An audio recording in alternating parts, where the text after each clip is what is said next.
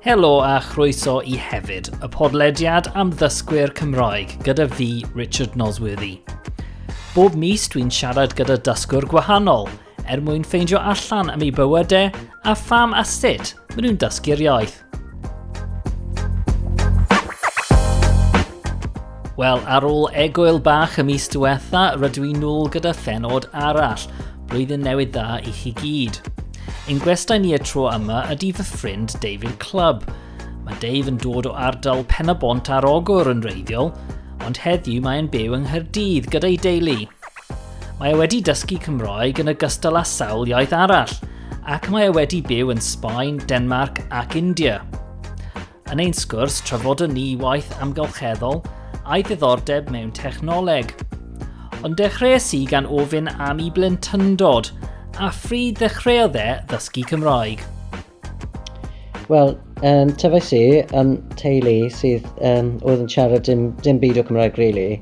Oeddwn ni'n defnyddio Nosta ac um, y bore da, ac dyn, dyn oedd y gyfan, dwi'n meddwl. Ond uh, doedd, doedd dim lot o Cymraeg yn ysgol um, chwaith, y ysgol Saesneg a, a'r un peth i dy frodyr di hefyd. Ie, yeah, ni gyd, ie. Yeah. Aethon ni um, ysgol bach yn y pentre Coeti, um, yn Sir Morganog agos a Pen y Bont, Pen y Bont o'r Ogwr. Beth oedd ti'n meddwl am y Gymraeg pryd hynny? Wel, oeddwn ni ddim really meddwl lot amdano fo. Um, oeddwn ni ddim yn clywed um, gyda bobl eraill. Doeddwn ni ddim yn nabod bobl eraill oedd yn siarad Cymraeg. A felly, ie, yeah, doeddwn ni ddim really yn, yn meddwl am y iaith. Hyd yn oed oeddwn ni'n teimlo fel teulu Cymraeg. Um, dim, dim really meddwl lot am y iaith o gwbl, fod yn onest. A dim ond tan, pan, pan o'n ni'n cyrraedd yn yr ysgol gynradd ac wedyn roedd yna pwnc Cymraeg i dysgu, um, roedd yn teimlo fel rhywbeth go iawn gwahanol. Ie, yeah, so yn yr ysgol uwchradd wedyn, nes ti ddechrau defnyddio mwy o mwy o Gymraeg? Do, chydig mwy. Roedd yna, achos roedd yna um, gwersoedd ffurfiol ac arholiadau ac uh, o'n i'n disgybl dda a eisiau trio, trio fod yn y gorau yn ar, arholiadau. Felly o'n i'n dysgu fwy o Cymraeg yn y ysgol.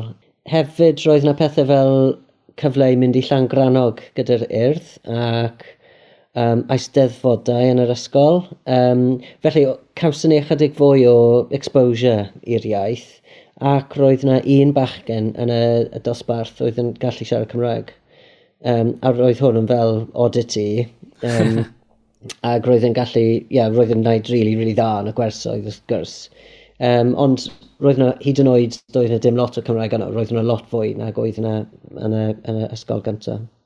Ie, yeah, ie. Yeah. So oedd y ti'n dechrau dŵr yn amwybodol a siarad ychydig o Gymraeg pryd hynny, ond, ond doedd doedd y ti a'r brodyr ddim yn regal yn Gymraeg yn yr ysgol uwchradd rwy'n cymryd? Bendant nid fi. Um, fallai fy hem frawd yn bron rhygl pan wnaeth e gadael achos wnaeth e safon A a hefyd gafodd e ffrindiau oedd yn lot fwy o diddordeb efo iaith A fy mrawd hefyd, uh, fy mrawd gefaill, uh, wedi treulio lot mwy amser efo bobl o ysgol Llanhari, y ysgol Cymraeg yn yr ardal. A felly wnaeth e lot mwy ymdrech yn y iaith na fi. Um, felly pan, pan oedd y dau ohonyn nhw yn gadael yr ysgol, um, roedden nhw, wel, bron yn trygol yn barod yn rili really dda, ond nes i atal studio Cymraeg at tygau, felly um, o'n i ddim rili'n really gallu siarad lot. Ie, yeah, mae hynny yn eitha diddorol i fi, achos erbyn hyn mae'r mae tri ohonoch chi yn, yn rigol yn, yn Gymraeg, wedi dysgu Cymraeg. Oedd y Gymraeg yn dechrau dod yn rhywbeth pwysig i ti a uh, dy yn yr ysgol uwchradd, a, a, a mae'n swnio fel bod e'n bwysig, a, a pam, pam roedd y Gymraeg yn dechrau bod yn, yn bwysig i tri, uh, tri uh, brawd uh, di-Gymraeg fel bethau? Ie, yeah, mae'n rhyfedd, really. Um, doedd y dim lot o Cymraeg yn yr ysgol, doedd y dim lot o... doedd, doedd y ddim fashionable o gwbl. Um, ond, um, ie, yeah, yn arbennig a fy brodyr, roedden nhw'n teimlo really cryf am y iaith. Um, a gweld fe fod mae'n bwysig iawn, ac naeth y dau ohonyn nhw o'r diwedd yn studio yn Gymru yn y prifysgol, ac um, nid, nid i fi, es i prifysgol yn Lloegr. Um, oedd, ni, oedd gen i diddordeb efo ieithoedd, um, nes i trio dysgu um, Russian, Rus Rwsied? Ie, ie, Rwsieg, ie. Just, just am rhywbeth diddorol, ac um, pan oedd yn 19, just troi 19, es i India am chwech fus, ac cyn hynny nes i treulio tuag a pedair fus, pimp fus efallai yn dysgu Hindi ac um, oeddwn ni'n gallu defnyddio chydig o hindi pan nes i cyrraedd, a pan nes i gadael, o'n i'n gallu cael sgwrs go iawn dda yn hindi. Felly oeddwn i, mae gen i lot o diddordeb, oedd ni lot o diddordeb yn yr ysgol o gyda ieithoedd, ond nid Cymraeg, really. Ie, yeah, wel da iawn wir. A, o'n i'n mynd i ofyn, actually, um, ychydig bach am uh, y teithio. Rwy ti wedi teithio llawer, yn enwedig pan oedd ti'n ifanc, uh, a aros byw, gweithio mewn gwledydd gwahanol, ble aethoch chi fel dyn ifanc um, ar, ôl, ar ôl yr ysgol?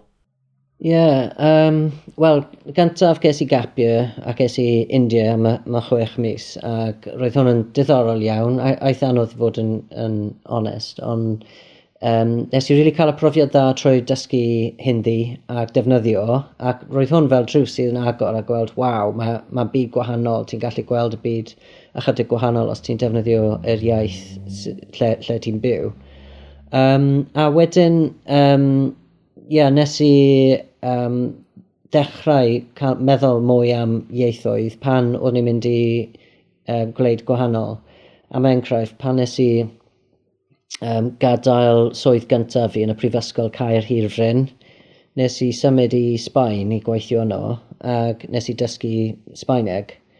Um, ac, ac oeddwn i'n gallu defnyddio Sbaeneg reit dda pan nes i gadael.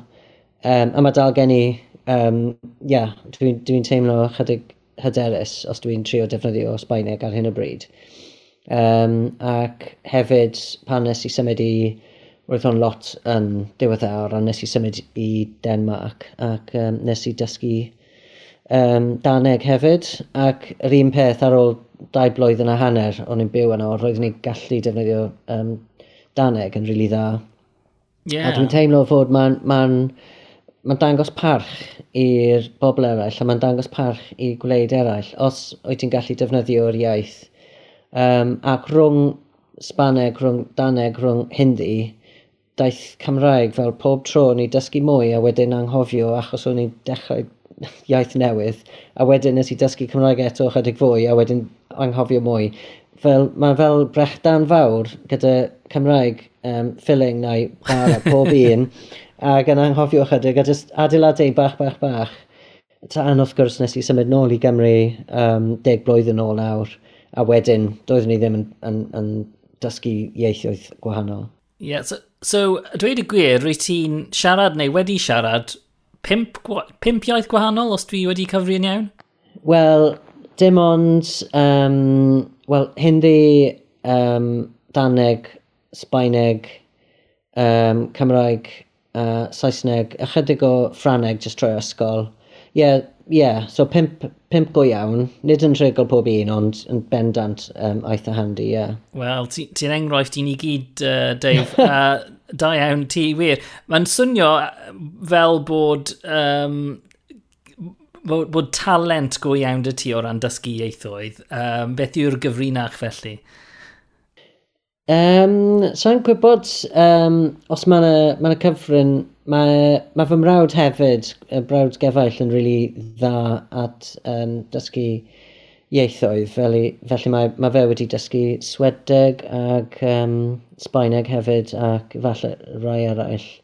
Um, Dwi'n dwi, meddwl fod mae mater o just cael diddordeb ac mae lot, lot haws nawr nag oedd e yn y gorffennol i dysgu ieithoedd am enghraifft defnyddio apiau, gweld um, rhaglen teledu trwy defnyddio um, iaith arall efo is-deitlau. Um, yeah, mae yna ma lot o ffyrdd gwahanol nawr. Dwi'n cofio pan o'n i'n trio dysgu Cymraeg trwy dallen, hyd yn oed oeddwn i'n defnyddio llyfrau um, dysgwyr, pob tro pan, pan o'n i ddim yn, yn gwybod beth oedd y gair, Roedd rhaid i fi defnyddio dictionary achos doedd e dim Google Translate wrth gwrs. Ac achos o'n i ddim yn sicr, oedd yna P to B, P to F, F to M, beth bynnag oedd y treigliad.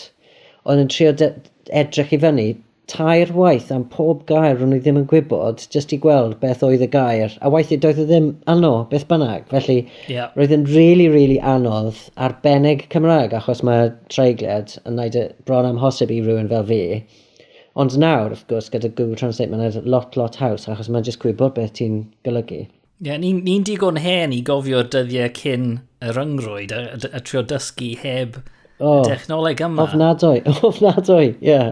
Achos dwi'n dwi cofio, um, o'n i'n ysgrifennu erthygol, dwi'n cofio pan o'n i yn, yn, y, yn y prifysgol, trio uh, dechrau cymryd diddordeb yn y Gymraeg, a gwrando ar Radio Wales yeah. o, o Norwich ar, ar medium wave, tymod, oedd yeah. na raglen yn y nos uh, i helpu dysgwyr. A oedd yn anodd clywed unrhyw beth, a dwi'n cofio wedyn, pan oedd y cysylltiad ryngrwyd wedi gwella yn y prifysgol, ac oedd na modd gwrando ar Radio Cymru, dros, dros y ryngrwyd, roedd hynny yn, yn anhygoel. So. yeah, yeah. Wel, hefyd, um, sôn am technoleg, um, ar hyn o bryd, well, dwi'n dwi, defnyddio podlediad lot, a dwi'n really hoffi um, gwrando ar podlediadau, ond achos mae gen i rester enfawr o podlediadau, beth dwi'n neud yw gwrando ato nhw a cyflymder um, 1.5 neu dwy waith mor gyflym maen nhw'n mynd fel arfer, Ah, Ond wrth gwrs, so, so mae hwn really fel, o, oh, sut mor effeithlon ydw i. Ond os ti'n ti eisiau um, dysgu iaith, dychmygu, cael podlediad mewn Sbaeneg neu Cymraeg neu beth bynnag, a darllen fel hanner cyflymder, neu two-thirds cyflymder, mae'n mynd i wneud lot, lot haws i, i um, deall beth sy'n digwydd. A mae lot o pethau fel hyn, fel offerau sydd yn really helpu bobl sy'n trio dysgu pa bynnag iaith. Ie, yeah, ie. Yeah. Wel, mae hynny... Newn ni dod nôl at uh, dechnoleg yn, yn, uh, mewn, mewn ychydig, achos uh, yn amlwg rwy ti'n tipyn o arbenigwr ar hynny. Ond rwy'n i'n mynd i ofyn i ti hefyd, pan oedd ti'n symud o gwmpas a uh, byw gweithio mewn llefydd gwahanol, be, beth oedd y gwaith oedd ti'n neud? Rwy, rwy ti wedi gweithio yn y sector amgylcheddol ers, ers blynyddoedd erbyn hyn?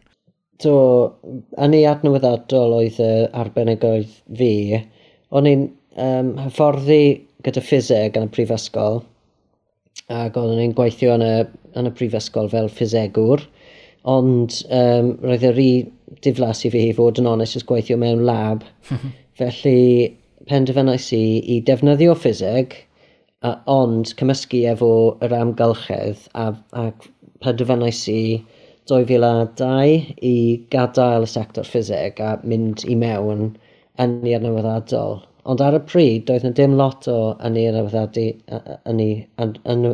adnewyddadol yn Prydain, felly dyma un o'r resymau symudais i, i Sbaen. Um, uh, ond fel sector, roedd yn anhygoel dda i cael profiadau gwahanol, achos hyd yn oed oedd yn bach i dechrau, roedd y sector y gyfan yn, yn tyfu yn rili, really, really gyflym.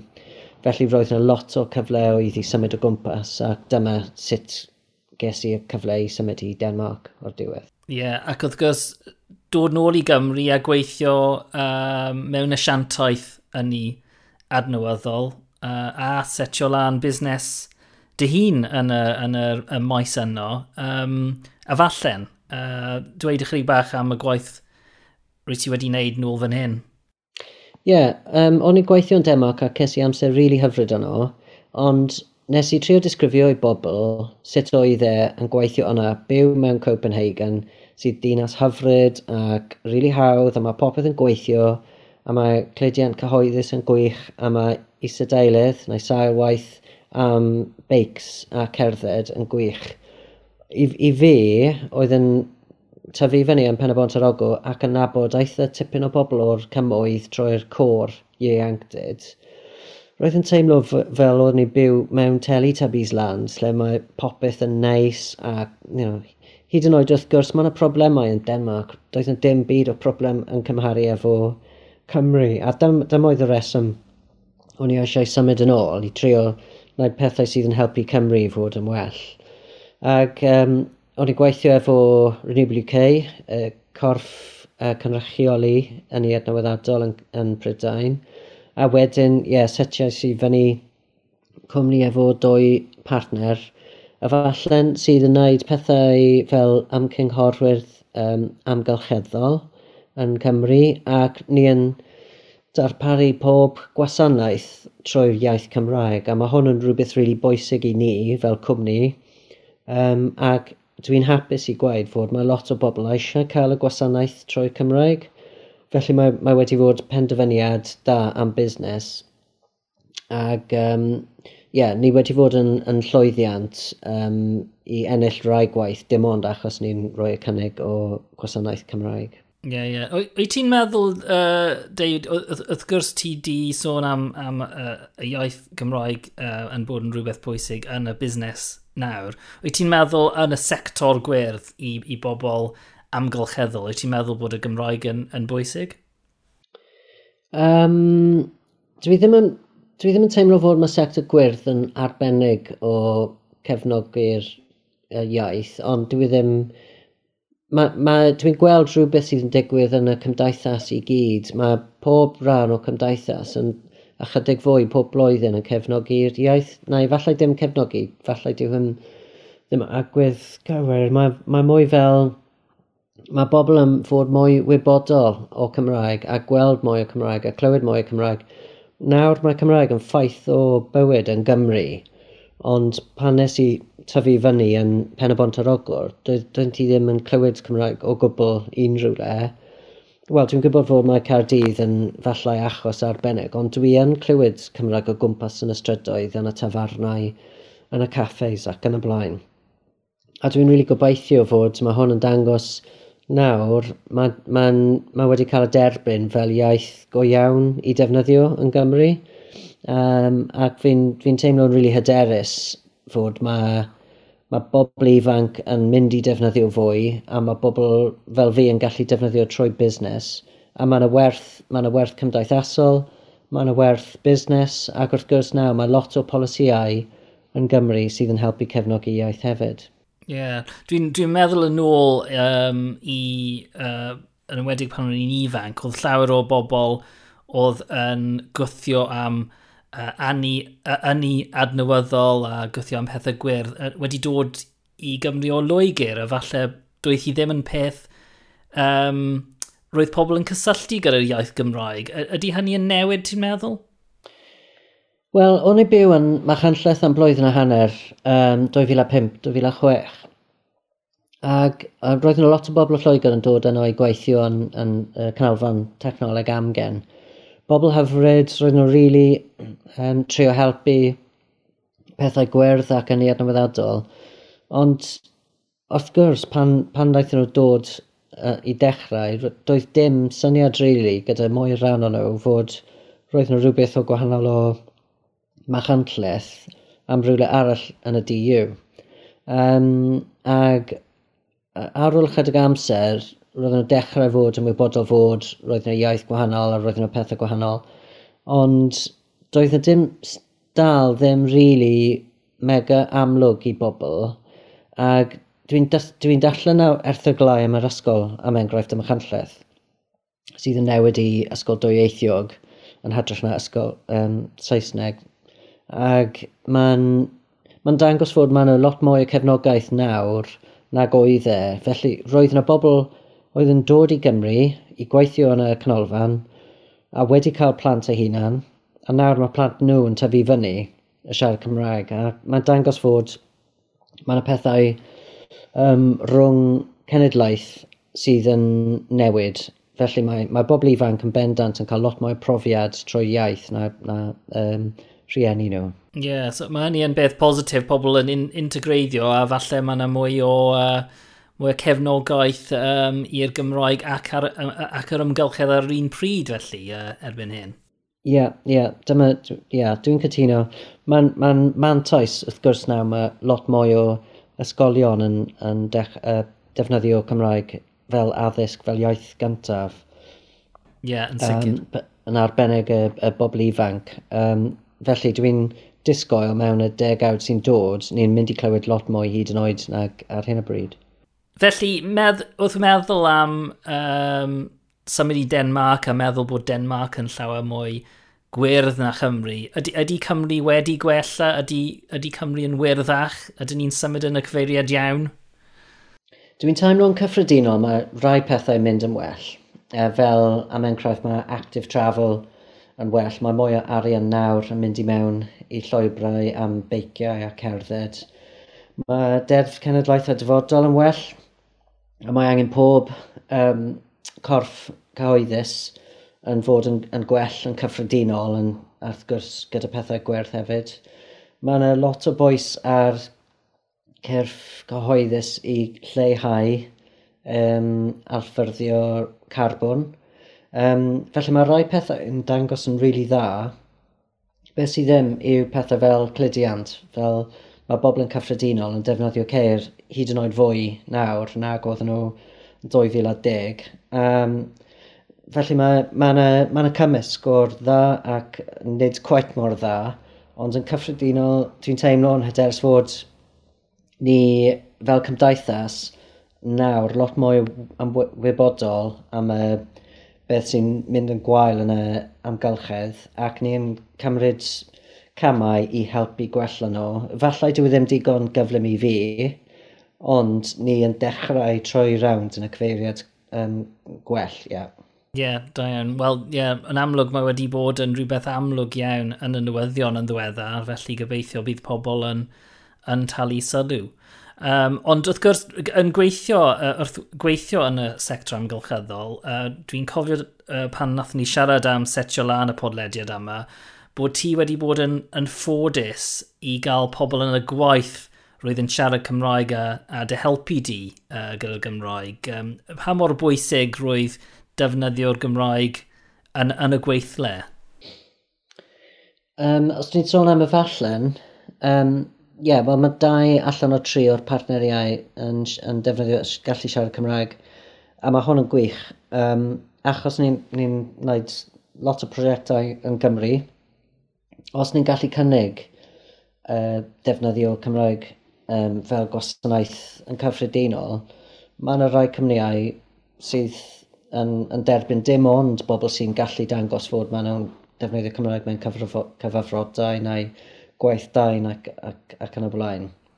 Ie, yeah, so mae'n fantais i'r busnes, felly. Mae'n ma, ma, fantais go iawn, a hefyd, um, does y dim lot o bobl sy'n gallu sôn am pethau amgylcheddol a polisi yn cyhoeddus, ac yn bendant i dechrau um, pan doedd dim lot o gwaith yn dod i mewn, roedd Radio Cymru yn ffonio fi mae'n teimlo fel pob bythefnos i gofyn i fi mynd â rai sio'r radio i sôn am pethau amgolcheddol. Hyd yn oed, doedd nhw ddim really arbenigwr, fel dwi'n cofio un enghraifft pan oedden nhw'n gofyn i fi siarad mewn awr ar radio am, am uh, gwylanod yn Caerdydd.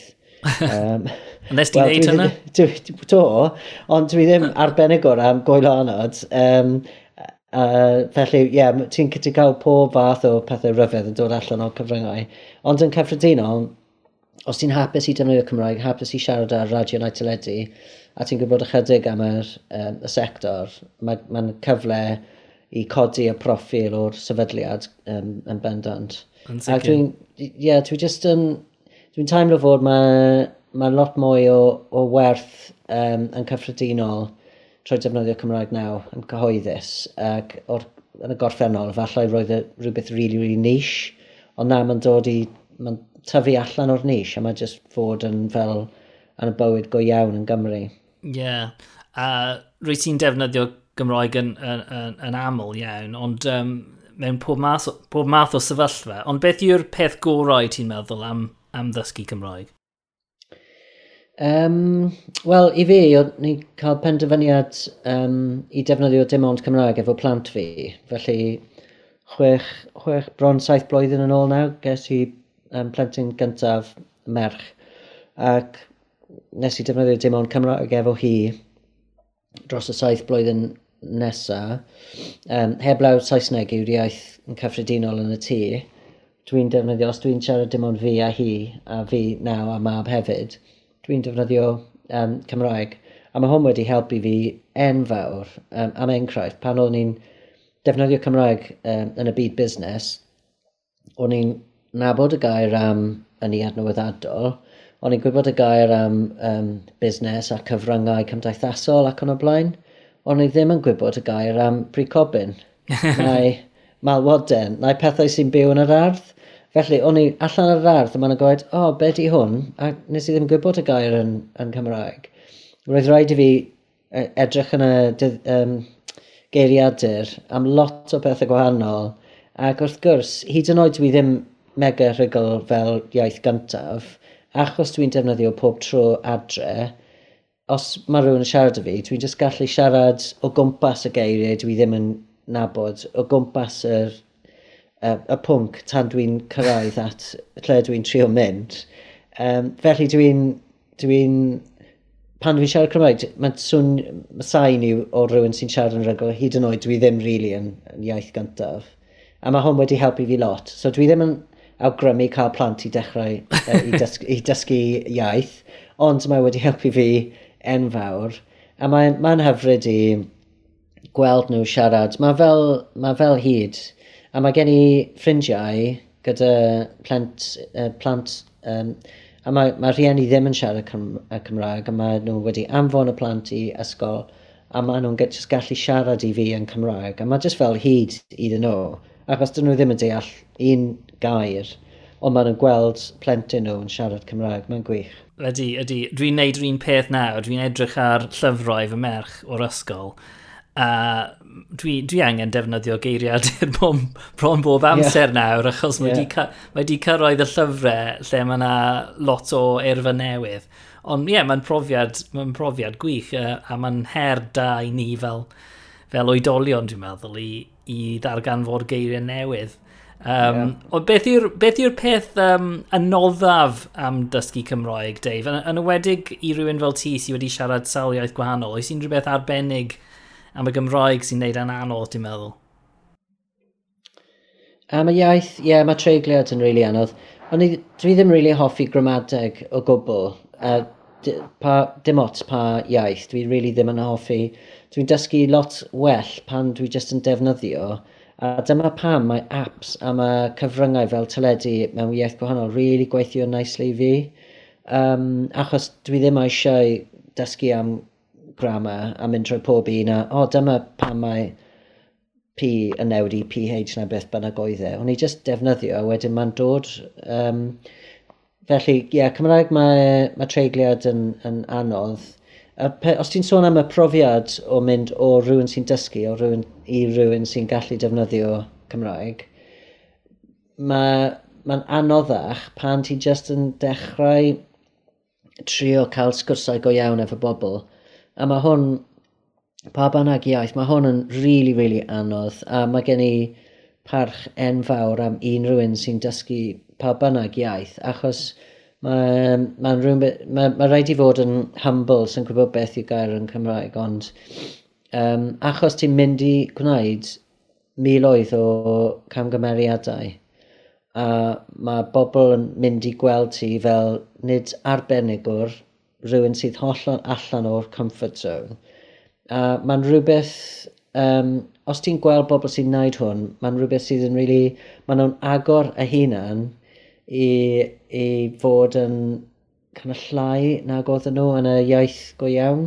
Yeah. A mae'n ma rhywbeth i really kind of, they're opening themselves up. Yeah, um, dwi'n deall. A, a, a mae hwn yn really bwysig. Mae'n dangos ti'n dewr. Os ti'n trio dysgu iaith gwahanol, ti'n dewr, achos ti'n teimlo fel Muppet weithiau, a mae'n mae anodd, a mae'n lot o camgymeriadau, so ti'n rili really dewr os ti'n neud e. Ie, yeah, ond yeah, dwi'n meddwl ni'n lwcus yng Nghymru uh, yn, o ran dysgu iaith, achos dwi'n meddwl mae rhan fwyaf o Gymru Cymraeg uh, mor gyfeillgar a mor um, bles di glywed rhywun yn dysgu. Um, Tymod, mae ma llai, falle llai o ofyn um, achos bod pobl yno i gefnogi a chroesawu um, pobl sy'n neud camgymeriadau. Wedi dweud hynny, mae yn, ti'n ti gywir, mae yn peth eitha dewr. Chi'n neud eich hunan yn, yn fregus, ond ych chi, really, i, i, roi eich hun mewn sefyllfa fel yna. Dwi'n dwi, n, dwi cymharu e mewn ffordd i neidio mewn i i'r môr pan mae dŵr noer. Roedd i chi just mynd amdani a gweld beth sy'n digwydd. Ie, yeah, ond on mae rhaid i neidio yn y môr gyda, gyda dŵr oer pob dydd a pob tro ti'n agor dy geg. Dwi ddim fel just unwaith, pob tro ti'n neud e ma'n fel hyn, a dyma pam mae ma, ma mor dda i gweld bobl sy'n sy neud e. A gobeithio ti'n iawn fod mae Cymru yn gwlad bobl sy'n helpu bobl os dyn nhw ddim yn teimlo yn, yn gwych. Dwi wedi clywed storiau o, o, o bobl iaith gyntaf sydd falle ddim quite mor caredig na hynny, um, ond gobeithio y mwy o ran o bobl yn deall fod mae'n rhywbeth anodd. A efallai, os ti'n ti wedi tyfu fyny um, defnyddio Cymraeg, um, mae'n anodd i gweld neu gwybod sut mor anodd yw e i, i dysgu a wedyn defnyddio a ti falle wedi colli ychydig o sympathy am bobl eraill sy'n neud e. Ond um, i gyd, ni'n ni, ni gwlad o dysgwyr rili, really, ydyn ni, achos ni'n sôn am chwarter o miliwn bobl sydd yn siarad yn rhugl a pawb arall ddim yn gallu. Felly, ie, yeah, efallai mae'n rhywbeth am hynny fel mae mwy o ran o bobl sy'n siarad Cymraeg yn dda yn gwybod fod pawb arall yn dysgu rhyw fath yeah. o, o dysgwyr. Mae llawer o ddysgwyr erbyn hyn, does? Mae llawer, yeah. On, mae llawer ohonyn ni. Um, yeah. A rwy ti hefyd yn tipyn o arbenigwr, ti di sôn am, am dysgu, ond yn, yn gyffredinol, um, tipyn o arbenigwr ar dechnoleg ar we, ac yn arbennig um, meddalwedd ffynhonell agored, os dwi'n defnyddio'r term cywir. Be, yeah. uh, dweud ychydig bach am, am, am hynny, pan mae, pan mae hynny yn bwysig i ti? Ie, yeah, dwi'n dwlu ar pethau sydd yn, yn ffon yn agored, a sa'n gwybod os mae gair hwn yn cywir chwaith, felly open source yn Saesneg. Ie, yeah, ie. Yeah. Um, achos mae'n ma rhywbeth sydd yn... Mae fel anreg i'r byd. Mae'n rhywbeth sydd mae pawb yn gallu defnyddio, mae pawb yn gallu cyfrannu at. A fel arfer, mae am rad ac am ddim. A mae'n ma fel pawb yn y byd sy'n gweithio ar, yn yr adran hwn, fel ni, ni gyd yn helpu gilydd, ni'n helpu bobl slawd efallai sydd ddim gallu fforddio prynu meddalwedd um, commercial. Yeah. Yeah. A ni'n creu werth am the sum of total human knowledge. sy'n gwybod beth yw hwn yn Cymraeg, ond fel ti'n sôn am y cenedlaethau dyfodol ac um, globally responsible, wel os ti'n gweithio i helpu bobl, um, i helpu y sector meddalwedd ffynon agored, yn helpu bawb yn y byd, hyd yn oed nhw, dyn nhw ddim yn defnyddio y meddalwedd, mae fel werth, mae fel gwybodaeth sy'n mynd ono sydd am ddim am pawb. Ac hefyd, dwi'n rili really yn teimlo fod mae lot o werth am y Cymraeg trwy'r sector hwn. Am enghraifft, dwi yn gweithio ar rai prosiectau hyn y bryd tri helpu cyfieithu um, offer rheoli prosiectau yn, um, yn Cymraeg, um, adolygu llyfrau. Mae yna platfform gwych am adolygu llyfrau um, a dwi'n helpu efo hwn yn Cymraeg. Ie, yeah, a, a, ma, i bobl sydd ddim yn, yn gwybod am uh, open source, uh, ffynhonell gored, neu meddalwedd rydd, mae roi yn, yn galw fe, dwi'n deall.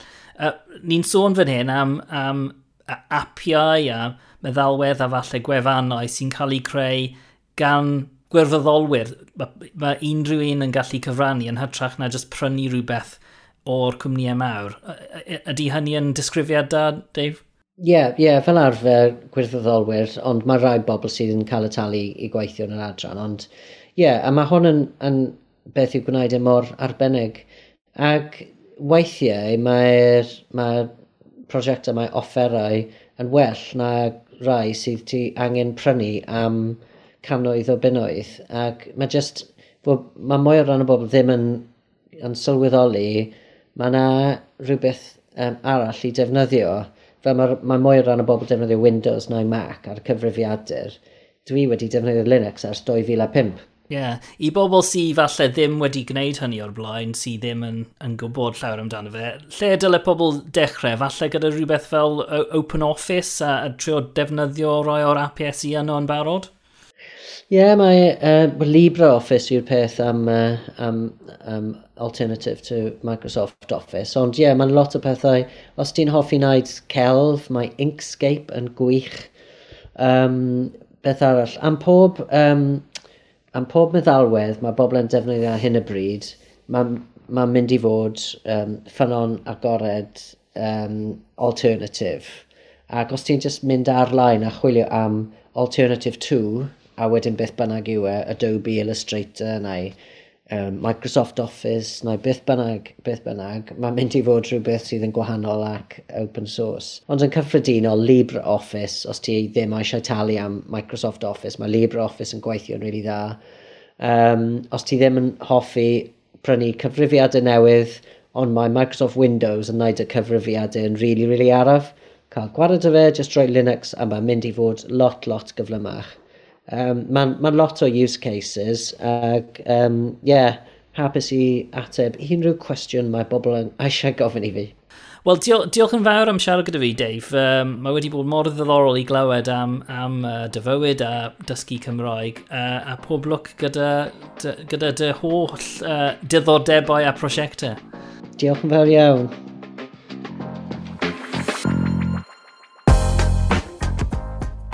Wel, diolch yn fawr i Dave am siarad gyda fi. Mae mwy o wybodaeth amdano fe a'r pethau mae e'n trafod yn nodiadau'r penod yma. Os ydych chi wedi mwynhau gwrando, plis tanysgrifiwch chi hefyd trwy Spotify, Apple Podcasts neu eich hoff app a gadael adolygiad.